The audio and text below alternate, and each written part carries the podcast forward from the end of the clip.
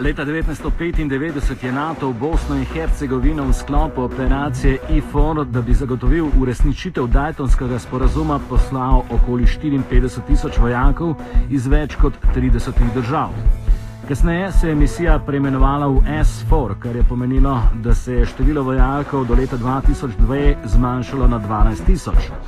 Dve leti kasneje je operacija prešla pod okrilje Evropske unije in dobila tudi novo ime. Poimenovali so jo EUFOR Althea. Do leta 2008 je bilo v Bosni in Hercegovini nekaj več kot 2100 vojakov.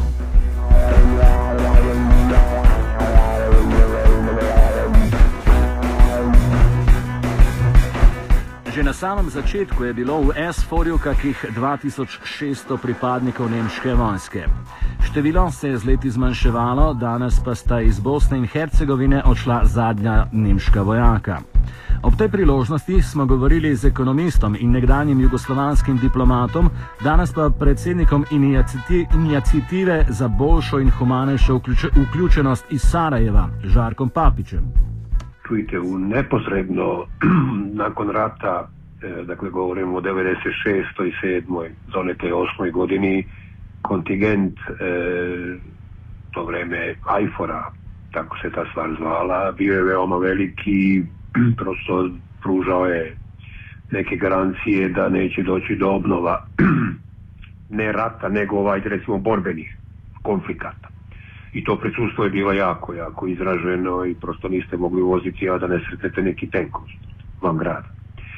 I normalno je da se vojno prisustvo e, smanjivalo, u ovim godinama i moram reći najnormalnije mi se čini da e, u ovom periodu je ono minimizirano potpuno tako da je više simbolično nego što bi imalo stvarno neki e, efekat u nekim najgorim mogućim scenarijima, a s druge strane pretpostavljam da je to istovremeno i e, moram reći dobar signal strane međunarodne zajednice šta god to značilo da se ipak e, bosanske teme, problemi, nesaglasnosti e, moraju politički rešavati e, unutar Bosne i Hercegovine, a da direktno ugroženost, direktna ugroženost od obnove ratnih sukoba ne postoji, odista i ja sam mislim da ne postoji nezavisno zapaljive retorike političara, posebno pred izbore, pa i sami znate da ih čekamo za desetak dana. Dakle, ja mislim da je to normalan proces. Čeprav do kakšnih večjih nasilnih incidentov, pri katerih bi morala posredovati vojska v zadnjem času, ne prihaja, pa se v Bosni in Hercegovini še zdaleč niso uresničili načrti Daytonskega sporazuma. Slednji je sicer končal vojno, vendar je Bosna in Hercegovina še daleč od normalne države, govori Papič. Tu ste mi potpuno pravu e, za ono što mi ovdje u Bosni zovemo, govorim sad o posljednje dvije godine, e, potpunim haosom političkim u kome više ne znate ko koga smenjuje, ne znate koja koalicija postoji ili ne postoji, definitivno se više ne zna ko je na vlasti, nezavisno od formalnog funkcionisanja institucije. Dakle, Bosna jeste u dubokoj političkoj krizi. Posebno ovaj, poseban aspekt toga čine veoma ozbiljna ekonomska kriza i naglašena socijalna kriza, siromaštvo i socijalna isključenost. Međutim, ono što je u svemu bitno, mislim da međunarodna zajednica, šta značilo, pošto taj termin upotrebljan krajnje uslovno, definitivno nije procijenila e, na dobar način pravi moment kad bi trebala da e, počne smanjivati svoju ulogu u Bosni i Hercegovini. E, godinama već pišem da se istorijski kapacitet e, na primjer e, ureda visokog predstavnika iscrpio negdje početkom 2000-ih dotle još to imalo hajmo reći nekakvog smisla ali prisustvo visokog predstavnika posebno u mandatu Pedija Eždauna o kome moram reći imam najgore moguće mišljenje E, jednostavno je e, domaće političare e, dovelo u situaciju da oni ni za što nisu odgovorni. I delom je to u strukturu u smislu reči osnova ovog haosa o kome sam malo prije govorio.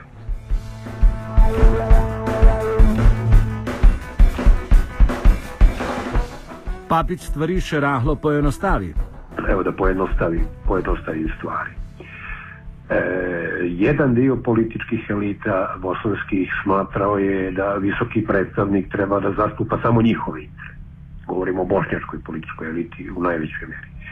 S druge strane, hrvatska politička elita uslovnog termine upotrebljava, razumjet ćete naravno, o, bila je posle neuspjeha sa takozvanom hrvatskom samoupravom e, negde početkom 2000 godina ovaj, potpuno mi tiha, ako tako mogu reći, a opet srpska politička elita je sve što bi dolazilo od međunarodne zajednice smatralo antisrpski. Dakle, formirala se, strukturno se formirala osnova haosa i na kraju krajeva nek dobar primjer bude činjenica da je e, početak haosa direktno uzrokovao aktuelni visoki predstavnik Insko koji je e, poslije izbora 2010. poništio odluku Centralne izborne komisije koja je poništila s pravom, obzirom na Ustav Bosne i Hercegovine i sve zakone, izbor predsjedavajućeg predsjednika federacije i podpredsjednika, pa onda automatski vlade koju su oni predložili. Dakle, Insko je to poništio i vi, vi imate otvoreno pitanje nelegitimnosti federalne vlade i federalnog predsjednika dvije godine. Naravno da bi absurd e, bio potpun, onda ista politička koalicija, nešto malo izmenjena, koja je napravila taj nelegalnu vladu, ako mogu tako reći, i nelegalnog predsjednika, pokrenula je onda postupak da e, ruši tog predsjednika opet nelegalno.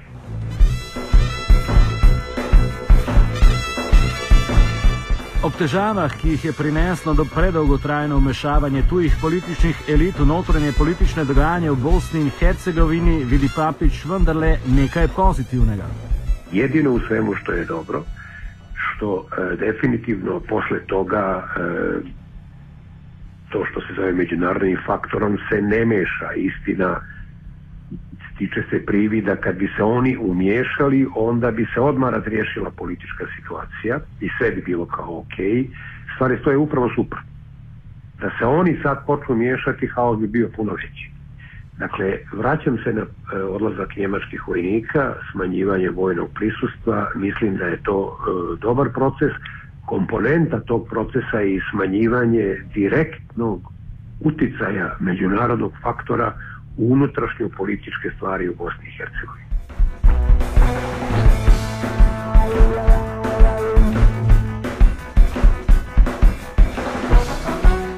Vzroki za popolni politični kaos v Bosni in Hercegovini, kot pravi tamkajšnji politični situaciji Papič, so še vedno v veliki meri pogojeni z medetičnimi konflikti, predvsem znotraj populističnih, nacionalistično orientiranih strank. V največjem obsegu sejejo politiki strah do sebi tujih etničnih skupin ravno v času pred volitvami, s čimer nabirajo glasove določenega sloja voljivcev. Vendar Žarko Papič omeni tudi drug vzrok, da se stanje v Bosni in Hercegovini komplicira. Završit ću s jednom rečenicom koja će imati mali osvrt na noviju istoriju ovog prostora bivše Jugoslavije nešto što uslovno zovem prokletstvom većinske nacije. E, većinska nacija u e, više nacionalnim državama kao da ima prirodnu težnju za dominaciju. Bivšu Jugoslaviju de facto po mom mišljenju je razvio srpski nacionalizam koji je naravno težio unitarizaciji mi smo svi zaboravili e, programske govore Miloševića, da ne govorimo o Slobrici Ćosiću i Akademiji nauka. Oni su bili čisto, 100% unitaristički, centralistički i tako dalje. E, obzirom da su Srbi bili većina u bivšoj Jugoslaviji, kad ih saberete u Srbiji po drugim republikama, bili su većina. Da su oni išli, uspeli da idu s varijantom jačanje, funkcionalno jačanje savezne države, uvođenje opštih izbora po principu jedan čovjek, jedan glas, vi biste imali privid građanskog društva, a de facto bi Srbi uzeli svu vlast, da pojednostavno. E pa slična situacija e, se dešava u Bosni i Hercegovini. kao da bošnjačka politička elita ne može da pobjegne od tog prokletstva, bošnjaci su većina, i kao da teži, e, postoje elementi težnje ka nekakvoj unitarizaciji i centralizaciji Bosne i Hercegovine.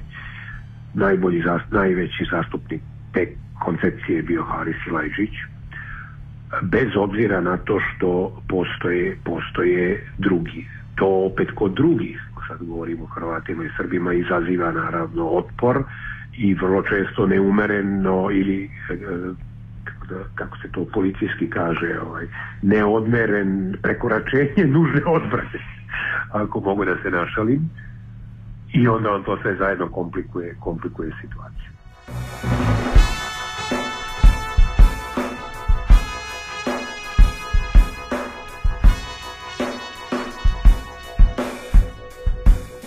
Offside sta pripravila Marko in Gregor.